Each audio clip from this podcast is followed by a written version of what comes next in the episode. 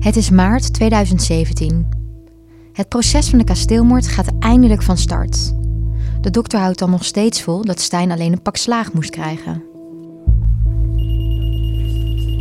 Samen met een grote groep collega-journalisten ga ik naar de rechtbank in Brugge, waar we door metaaldetectiepoortjes moeten voor we de zaal binnen mogen. Een enorme hoop advocaten. Ja, ja, ja. Dit is echt een Ja, minst, ja, ja, ik denk een stuk of drie per persoon ongeveer even op het moment. Er zijn zo'n 20 advocaten aanwezig. In de grootste zittingzaal zijn de voorste twee rijen voor de pers gereserveerd. Die zitten helemaal vol. Voor ons op de grond, tegenover de drie rechters, staan de dossierstukken opgesteld. 63 kartons blijkbaar, dus dat zal ja, 63.000 bladzijden zijn zeker. De hele voorkant van de zaal ligt gewoon bezaaid Ja, ja, met ja. eh, Wel- dossiers. Tot, tot gisteren lag dat in ons perslokaal hier op de Griffie. Dat was nog indrukwekkender, want dat was een klein lokaaltje en dat was tot de nog gevuld. Dames en heren de rechtbank. Ja, goedemorgen allemaal. Aan de vrienden de pers en de fotografen van de pers wordt de mogelijkheid gegeven om gedurende een tientallen minuten wat sfeerbeelden te nemen zonder dat daarbij de procespartij herkenbaar in beeld moet worden gebracht. Mijn recorder gaat uit. En nog diezelfde dag wacht ons een verrassing. Wat is er zojuist gebeurd? Wel, op een bepaald moment hebben wij gezien hoe ehm, de beklaagde André Gijzelbrecht eh, een, een teken doet naar zijn advocaat. Naar een- Wat voor teken? Eh, hij, hij wenkte hem eigenlijk met zijn hand. Eh, en zij begonnen een beetje te konkelvoezen onder elkaar. En meteen daarna ging de micro eigenlijk naar André Gijzelbrecht, die meteen zei: Ja, het is tijd voor mij om, om de waarheid te vertellen. Wat wordt er allemaal gezegd tijdens de rechtszaak en hoe verschijnt het in de media? In deze laatste aflevering volg ik het proces op de voet. Want wat is eigenlijk de rol van de pers voor en tijdens dit proces? Zijn zij ingezet als speelbal door de verschillende partijen in deze zaak? Een reden dat de kasteelmoord zo groot kon worden in België? Ik ben Gabrielle Ader en dit is de finale van de kasteelmoord. Ruim een jaar voor het proces begint, wordt nog een laatste verdachte in de zaak gearresteerd. Het is een belangrijke Nederlandse schakel in de moord. Evert de Klerk, 49 jaar. Hij woont in IJzendijk, net over de grens. De man heeft hier een zogenaamde growshop. Het gerecht vermoedt dat de man iets te maken heeft met de moord op kasteelheer Stijn Sales. Hij zou op zoek zijn gegaan naar de uitvoerders. Aan de telefoon zegt zijn Nederlandse advocaat dat zijn cliënt alle betrokkenheid ontkent. En Evert de Klerk, een potige zeeuw met grijs kort haar, donkere kraaloogjes en een permanente grijns op zijn gezicht, zal tot op de dag van vandaag blijven ontkennen dat hij ook maar iets met de moord te maken heeft. Niet schrikken. Hoezo? Oh god, dit is een grapje. Ja, ja. Oh ja, een deur met tralies en een skelet ervoor. Ja, dat is typisch Evert. eh Holger Koman runt samen met Evert de Klerk Bistro Le Cachot in IJzendijken. Een schattig klein dorpje in Zeeland. Binnen 10 minuten rij je met de auto België in. Het expres ouderwets ingerichte café staat midden op de grote markt. Van die oude kasteeltafeltjes en stoeltjes. eh, Sanseveria's voor de ramen. Ja, Eh, allemaal oude lijsten aan de muren. het eh, plafond eh, ja, zo bewerkt of net is helemaal geel gerookt is. Het idee was erover dat Evert überhaupt opgepakt was? Nee, nee, nee. Dit is eigenlijk eh daaruit voortgevloeid voor de eerste keer dat hij eh, binnen heeft gezeten voor de kasteelmoord. Juist, de eerste keer. Want Evert de Klerk is in 2013 al eens eerder opgepakt wegens de moord op Stijn. Maar hij wordt vrijgelaten omdat zijn DNA niet matcht. Uit frustratie daarover is hij het cachot eh, begonnen. Ja, het heeft natuurlijk allerlei eh, verwijzingen ook naar de gevangenis. Want Le Cachot betekent dus gevangenis. Je ziet het eh, boven de bar staat rechtbank in het eh smeedijzer. Tralies voor de ramen. Isoleercel zie ik daarachter. Ja, dat- we hebben daar een isoleercel. Dat is de, de koeling. Oh, dat is de koeling, oké. Ja, hier, kijk, de luchtplaats, dat is de rookruimte. Oh ja, de binnen, het binnenplaatsje hier. Ja, Heel veel biertjes. ja.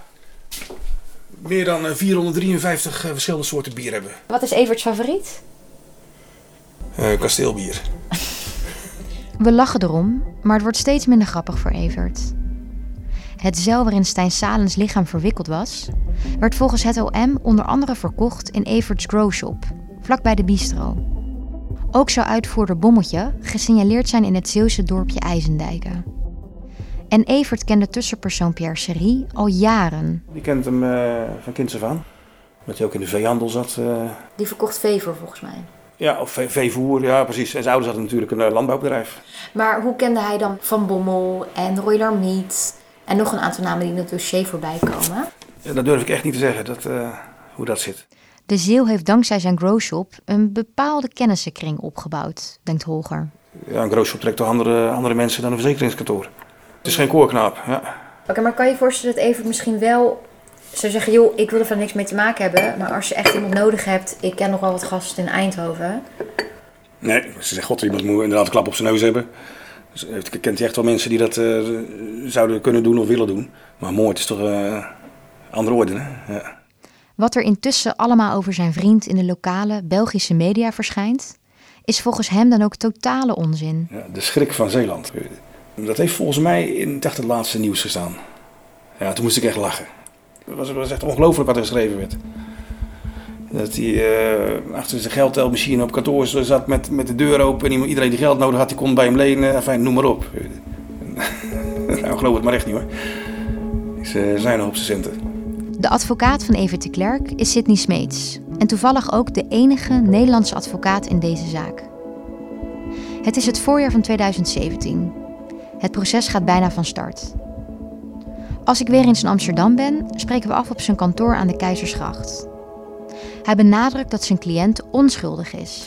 Hij zegt: Ik heb niks met die hele moord te maken. Ik ken een aantal van de mensen die bij dit dossier betrokken zijn wel. Maar die kennen elkaar ook, dus mij hadden ze niet nodig als tussenpersoon. Toch is het de verklaring van Roy Larmiet in 2015 die ervoor zorgt dat Evert de Klerk weer wordt opgepakt. Meneer Larmiet die zegt dat hij op een gegeven moment naar uh, IJsendijk is gereden op verzoek van zijn oom. En toen zou er gezegd zijn door iemand, het gaat door. En het zou volgens het OM de moord op Stijn zijn. Wanneer? Um, nou, dat was in de zomer, zeg ik uit mijn hoofd, uh, uh, voorafgaand aan de moord. Zomer 2011. Ja, uh, dat is wat meneer Larmiet verklaart. Hè? Dat is, de vraag is natuurlijk of dat allemaal klopt. Roy's verklaring over Evert de Klerk is volgens de advocaat twijfelachtig en opmerkelijk. De relatie tussen mijn cliënt en meneer Larmiet, dat is een hele gecompliceerde. Want meneer Larmiet die heeft een aanslag gepleegd op mijn cliënt. Roy Larmiet zou volgens hem in 2005 betrokken geweest zijn bij een beschieting op Evert de Klerks growshop. Maar hij is hier nooit voor veroordeeld. Daarom zegt mijn cliënt ook: die man heeft mij geprobeerd neer te schieten. Dus hoezo zou ik met meneer Larmiet een, een, een afspraak maken over dit of over überhaupt iets? Toch wordt Evert in de Belgische pers als de moordmakelaar afgeschilderd. Wat ik in de Belgische media heb gehoord en gelezen, dat is heel eenzijdig. Uh, er wordt van alles gezegd ook over dat mijn cliënt uh, een grote crimineel zou zijn en allerlei criminele contacten zou hebben. Het is ook niet altijd het braafste jongetje van de klas geweest. Maar het beeld dat in België nu geschetst wordt alsof hij een soort uh, moordmakelaar is, dat is gewoon niet waar. Als enige Nederlandse advocaat vormt Sidney Smeets toch een beetje een buitenbeentje in deze hele moordzaak. En net als ik kijkt hij verbaasd naar het hele mediacircus rondom de zaak. Nog voordat het proces goed en wel begonnen is. Ik denk dat dat in Nederland niet op die manier zou uh, gebeuren. En ik denk ook dat Nederlandse journalisten zich een beetje zorgen zouden maken over hoe zij zelf bekeken worden op het moment dat ze zo'n stuk op die manier schrijven. Buiten de grote gedetailleerde verhalen in de kranten ergt hij zich er ook aan hoe de verschillende betrokkenen met de media omgaan. Iedereen die verstrekt alleen maar die informatie die van belang is voor dat verhaal wat hij of zij wil vertellen. Het Openbaar Ministerie doet dat, de politie doet dat, advocaten doen dat. Hij geeft het voorbeeld van de incestklacht. Dat hele uh, incestdossier lag volgens mij bij iedere krant die, de, die het had willen hebben, had het al lang. Er werd dus al volop gelekt naar de pers door verschillende advocaten in de zaak. Maar ondertussen was er bij de advocaten een hele discussie over de vraag of er misschien wel achter gesloten deuren moest worden besproken, et cetera, et cetera. Dus dan krijg je toch heel erg het gevoel, en ook mijn cliënt krijgt dan heel erg het gevoel van ja, maar wat speelt hier nu eigenlijk? Waarom zou het gegeven dat de man incest heeft gepleegd niet gewoon openbaar besproken mogen worden? Het proces wordt uiteindelijk niet achter gesloten deuren gehouden. Al mag er binnen niet gefilmd worden. Ik word verblind van die blitzal. In de pauzes worden de advocaten daarom overvallen door de cameramannen die buiten de zaal in de gang staan te wachten. Het legertje advocaten staat te glimmen voor de camera en staat uitgebreid de pers te woord. Ja, zal u het proces dan nog tegenhouden vandaag? Het is niet mijn bedoeling om, om tegen te houden. De advocaat van de dokter, meester Johan Plateau, heeft het hoogste woord. Zal het lang duren vandaag? Daar kan ik niet op antwoorden. Als je het wilt weten, dan zult je samen met mij moeten volgen. Ruim een jaar eerder hekelde hij nog de pers in de avondtalkshow van Geel zijn gasten. Waar ik betreur, processen worden gevoerd in een rechtszaal. En processen worden niet gevoerd in de media. En we hebben alle krantenknipsels bijgehouden. Zo'n doos hebben we. Geen enkele zaak is zo, zo uitgelekt als de kasteelmoord. Ja. De advocaat van de dokter betreurt het. Maar hij doet er ook aan mee. Er komt regelmatig informatie vanuit zijn kant in de media. En ik ben niet de enige die dit opvalt. Heel dat proces wordt gewoon negatief beïnvloed daardoor. Tijdens het proces ga ik nog eens langs bij de advocaat van tussenpersoon Pierre Serie, die we in de vorige aflevering hoorden. Ik vind dat uh, uh, de familie Heizelberg aan het doen is, dat vind ik, ja. In de morgen staat er daar weer een heel artikel. Dat is duidelijk dat dat vanuit die hoek komt, want het kan van ergens anders komen. Gaat het over de incestklacht? Ja. De advocaat, Chris Vinken, verwijst naar een van de artikelen in de krant De Morgen. Hier werd beschreven hoe die incestklacht zou worden verdoezeld door het OM. En dat er aan de pc van Stijn gemorreld zou zijn. Allee, de pers heeft natuurlijk wel een belangrijke rol en moet je ook haar rol geven daarin, omdat dat een publiek debat geworden is. Maar het proces moet in eerste instantie natuurlijk in de rechtbank gevoerd worden. Ik vind het dan wel heel gevaarlijk dat je voor de camera staat te roepen en te tieren. En dat je dan zegt, ja, het parket dekt hier alles toe in functie van de familiezaal en zo. Dat incest krijgt zo'n omvang, als dan blijkt dat dat allemaal niet waar is, daar had hij ook een prijs voor betalen. Terug naar de eerste dag van het proces in maart 2017. Het is een lange, lange dag, vol gekibbel tussen advocaten, het OM en de rechters. Langzaam druipt de pers af hun verhalen zijn net ingeleverd. Ik zit met nog een paar journalisten in de zaal. En dan gebeurt er dit. Op een bepaald moment hebben wij gezien hoe de beklaagde André Gijzelbrecht uh, een, een, teken doet naar zijn advocaat. En meteen daarna ging de micro eigenlijk naar André Gijzelbrecht, die meteen zei: Ja, uh, het, het, is tijd voor mij om, om de waarheid te vertellen. Ik heb Steen Salens proberen te aanvaarden. Ik heb hem gerespecteerd, ondanks zijn soms rare ideeën en abnormale gedragingen. Hij kon altijd op me rekenen. Toen ik van feiten van incest op de hoogte werd gebracht, moest ik als grootvader verantwoordelijkheid nemen en de feiten een halt toeroepen. Ik sprak tientallen mensen aan. Het is iets waar je mee zit. Ze voelden mee met het probleem. Ik zei dat ik er alles aan zou doen om te vermijden dat het nog kon gebeuren. Tegen Pierre Sterie zei ik hetzelfde. Ik zei ook tegen hem dat ik dacht dat ik hem zou doden. Hij zei daarop: Doe dat alsjeblieft zelf niet. Ik belde Serie op 6 oktober op en zei dat hij me moest helpen. Maar na een paar dagen zocht ik andere oplossingen. In januari was er van therapie geen sprake meer. Er kwamen ook brieven van het Australische immigratiebureau. Op Elisabeth had ik geen vat meer, in tegenstelling tot eerder. Ik contacteerde opnieuw de procureur die mijn patiënt was en anderen die de situatie goed kenden. Ik stuurde het parket van Brugge een e-mail dat ik mij zorgen maakte over de geestestoestand van Steen. Maar er gebeurde weer niks. Dan heb ik Pierre opnieuw gevraagd. Dit was het ultieme redmiddel, de laatste kans om kleinkinderen te beschermen. Ze waren in gevaar. Vond je dat hij berouwvol leek? De dokter maakt een vrij gesloten, koele indruk. Dus uh, om daar iets zinnigs over te zeggen, dat is heel moeilijk. Als mensen in, in een beklaagde bank zitten, dan hebben ze meestal wel spijt. De vraag is natuurlijk, hebben ze spijt omdat ze daar zitten of hebben ze spijt omwille van de feiten die ze gepleegd hebben. Maar de dorpelingen uit Ruisleden, die trouw het proces van hun dokter bezoeken, blijven hem steunen. Het is wel een moordakkoord, maar uh, als je volledig op en ten einde bent, ja, wat doe je? Je mocht dat niet doen, hè. dat is iets dat je niet mag doen. Hè. Maar als er sprake is van incest op je kleinkinderen... Ik bekijk hem als een goede mens en hij heeft het beste gedaan voor zijn familie, denk ik. Moest hij morgen vrijkomen, zou ik direct terug naar hem gaan. Diezelfde avond en de dag erna verschijnt de bekentenis van dokter Gijsselbrecht op elke mogelijke nieuwssite en krant in België. Hoewel het verhaal niet echt verrassend is, is het voor de meeste Belgische media een hoogtepunt in hun jarenlange verslaggeving over de zaak.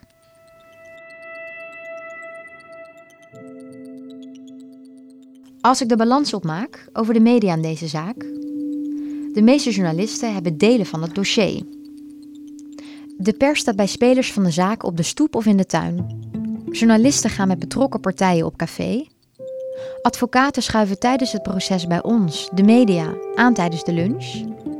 Tijdens het proces wordt er in een rechtszaal verwezen naar krantenartikelen en televisiereportages. En er verschijnt zelfs een boek over de kasteelmoord, nog tijdens het proces. Ik doe hier dus net zo hard aan mee. Maar is die media-aandacht alleen maar negatief? Ja, eh, eh, kijk, dat is de telefoon. Ja. Met Hendricks. Hallo. Nog even terug naar Gent, bij de West-Vlaamse fotograaf Michiel Hendricks thuis. Maar ja, ze zijn me aan het interviewen. Uh, binnen een uur is het goed. We zitten intussen al de hele middag te praten.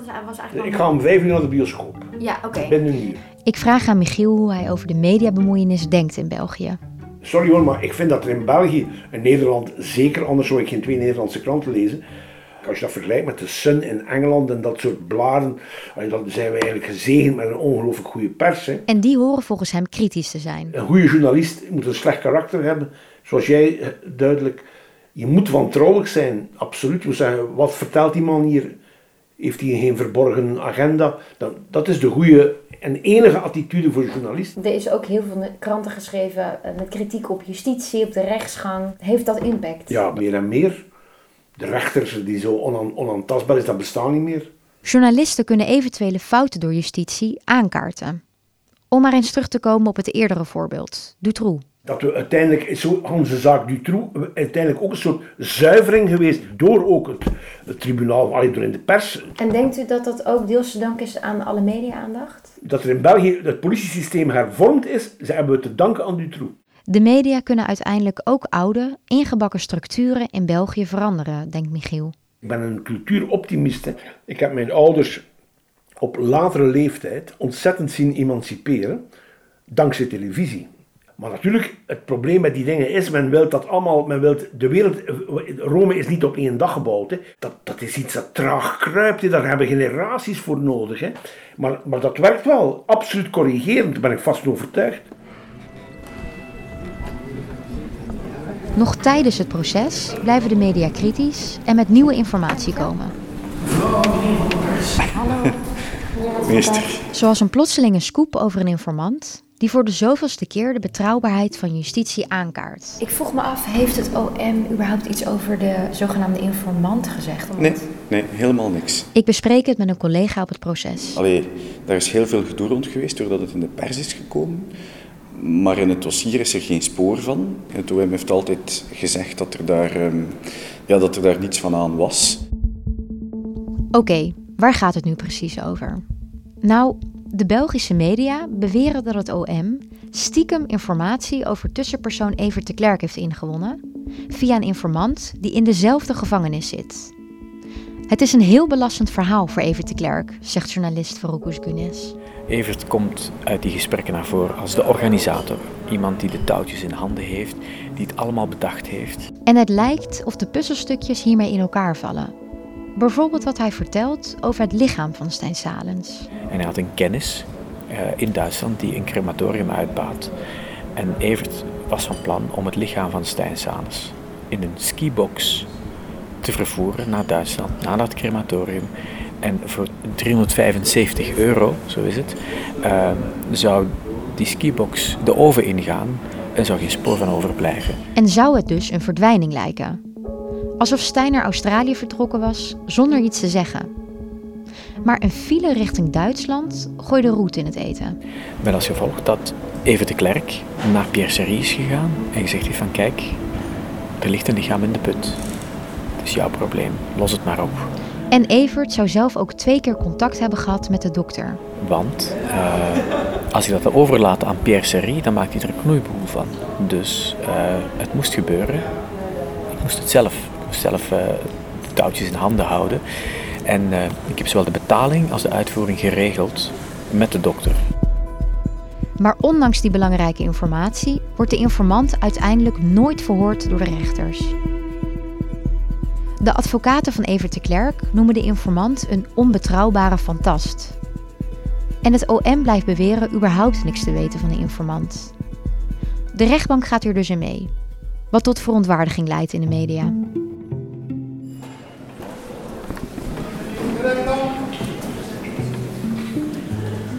Na een proces van bijna een jaar, het is dan februari 2018, worden de slotpleidooien gehouden. Het vriest dat het kraakt. Net als op de dag van de moord op Stijn, zes jaar eerder. Zonnestralen vallen door de glas- en loodramen in de lichte kapel. Hoewel journalisten onderling tijdens de lunch spreken over een kasteelmoordvermoeidheid, zit de zaal steeds weer vol.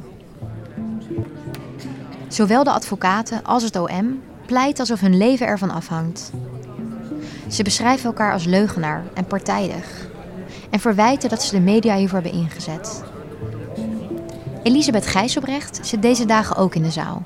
En meestal helemaal achterin, verscholen naast haar nieuwe vriend.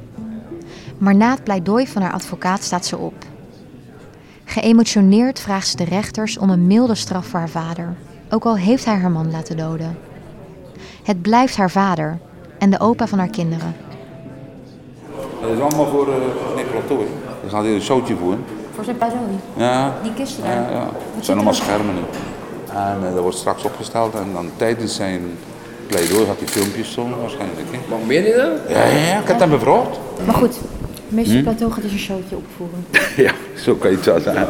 Nou, dan ga ik maar naar binnen. ja oké. Genieten van mijn volle teugen. Advocaat Plateau gebruikt al die schermen om een semi-professionele film op te vertonen tijdens zijn pleidooi. Om de vrijspraak voor de dokter kracht bij te zetten. Het was een soort documentaire. Je zou het zo kunnen uitzenden in Nieuwsuur of zo. De film Leven en Werken van André Gijzelbrecht is gemaakt door een vriendin van Elisabeth. Daarin kwam dus de vrouw van, eh, van André Gijselbrecht aan het woord en zijn zoon. En daarin vertellen ze eigenlijk over hoe die man was. En eigenlijk was het een, een beetje een lofzang op de dokter, toch? Grotendeels wel, ja. Maar het mag niet baten. Op 18 april 2018 loop ik met NRC-collega Anouk van Kampen naar de rechtbank in Brugge. Kijk, er staat zelfs een rij. Jezus, hoeveel mensen zijn het, joh? 40 of zo? Ik denk dus. Dat het naar binnen nog doorloopt. Ja, niet? misschien wel. Wat zijn dit voor mensen die hierheen komen naar zoiets? Kijk, ik denk daar zijn de hoek dat dat meer supporters zijn. Ja, supporters van de dokter. Ja. Is het een rij? Is het aansluiten? Ja? Ja, je mag daar binnen. Ja. Oh, Ja, is dat voor pers? ja. Oh. En waar- waarvoor bent u hier dan? En familie. Er is speciaal voor de uitspraak in deze zaak een geïmproviseerde persingang gemaakt. Oh ja. Voorbehouden pers. Dat zijn we. Hallo, goeiedag. Mogen we al naar binnen? Dus ook die eerste rij is ook voor de persmensen. Nee? Ja, ga die, eerste zitten, rij. want het gaat helemaal vol lopen. Ja, ja, kijk, voilà. Tot zo. De uitspraak mag zelfs opgenomen worden. Alle apparatuur en microfoons zorgen voor een keiharde ruis door de bloedhete zaal. Het vonnis voorlezen duurt zo'n 2,5 uur. Tegen half vijf worden eindelijk de straffen voorgelezen. De eerste beklaagde, Heizelbrecht André, verklaart de feiten onder de enige te lastlegging bewezen in hoofde van eerste beklaagde. Veroordeelt de eerste beklaagde uit die hoofde tot een gevangenisstraf van 27 jaar. Het is op zijn minst onwettelijk te noemen dat de eerste beklaagde, zelfs vanuit de gevangenis, in slaagt om het beeld van zichzelf als redder van zijn familie verkocht te krijgen aan een deel van de pers, bepaalde supporters en sympathisanten, zijn therapeut en zijn familie. Even kijken, 27 jaar voor Gijsselbrecht. Evert de Klerk krijgt 27 jaar. En Pierre Serie 21 jaar. Eigenlijk de enige die er wat lichter van afkomt is eh Roy Larmiet. Ja, maar 15 jaar. Het oordeel was echt heel hard, ja. Toch blijven veel dingen in de kasteelmoord nog in nevelen gehuld. Wie heeft de trekker overgehaald? De doodzieke bommeltje of zijn neef Roy Larmiet? Wie heeft hoeveel geld gekregen en van wie? Follow the money leidt hier tot niets. En wanneer werd de opdracht voor de moord nu precies gegeven? Uit de verschillende verklaringen in het dossier lijkt het dat de opdracht voor de moord al voor de incestklacht is gegeven. De advocaat van de familie Salens, Jan Leijsen, gelooft dan ook niet dat incest het enige werkelijke motief was van de dokter. Ik weet alleen dat men het verhaal van de zogenaamde incest een eigen leven laat leiden en totaal uitvergroot, zodat men finaal gaat vergeten dat er iemand vermoord is.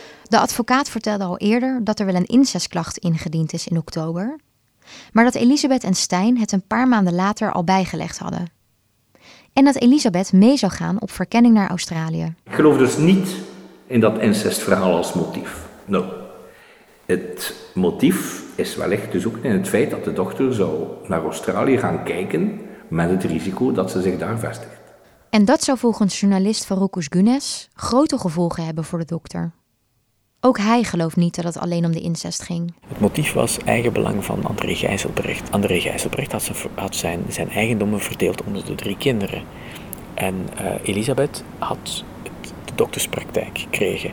En bij een verhuis naar Australië zou het pand verkocht worden. En Stijn was ook al op zoek naar een makelaar. Betekent dat de dokter zijn praktijk kwijt is, die hij zelf uit de grond heeft gestampt. En dat hij ook zijn kleinkinderen niet meer zou zien. De plannen van Stijn zouden het leven van de dokter compleet overhoop hebben gegooid.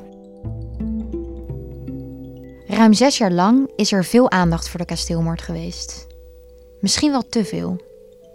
Maar het gegraaf van de journalisten in de Belgische media heeft één ding ook heel duidelijk gemaakt. Het geheimzinnige optreden van de familie Salens en justitie, de dubieuze motivatie van de dokter en zijn foute kennissen, het grensoverschrijdende seksuele gedrag van Stijn. Iedereen heeft boter op zijn hoofd. En in het West-Vlaamse sprookje was niet zoals het lijkt. Zo dom heel die affaire. Maar volgens cultuuroptimist Michiel Hendricks is de media-aandacht misschien ook zo slecht nog niet geweest voor de emancipatie van de hiërarchische, traditionele mentaliteit in een regio als West-Vlaanderen.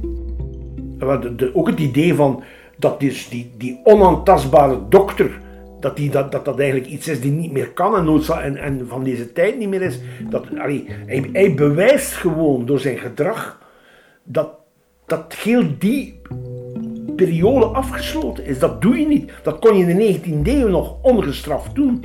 Laten iemand afmaken door, door een boswachter uh, in, in een bos en zeggen ja, het was een ongeval. Maar kijk, dat lukt nu niet meer. En dat is eigenlijk een hoopgevende zaak. Dat zelfs ook daar in die streek van Alter, dat je zo'n dingen niet meer, dat het niet lukt gewoon. Dus dat is toch nog een klein positief punt. Ah, natuurlijk, dat is zeer, ja, natuurlijk. Dat is zeer positief. Maar dus het is echt een soort wereld die dus definitief daarmee de deur gesloten is. De dokters van de, de meneer dokter die hem dat kan permitteren, dat is nu definitief verleden tijd.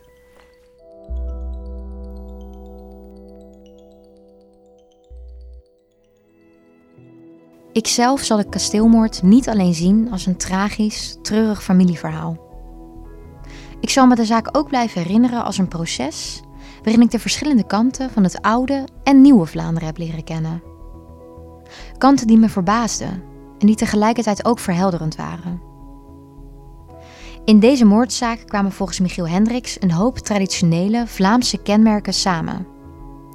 Maar, zoals mijn vrienden en collega's hier alsmaar zeggen, het zal nog even duren voordat je België en de Belgen echt kan begrijpen. Laat daar niet nog een moordzaak voor nodig zijn.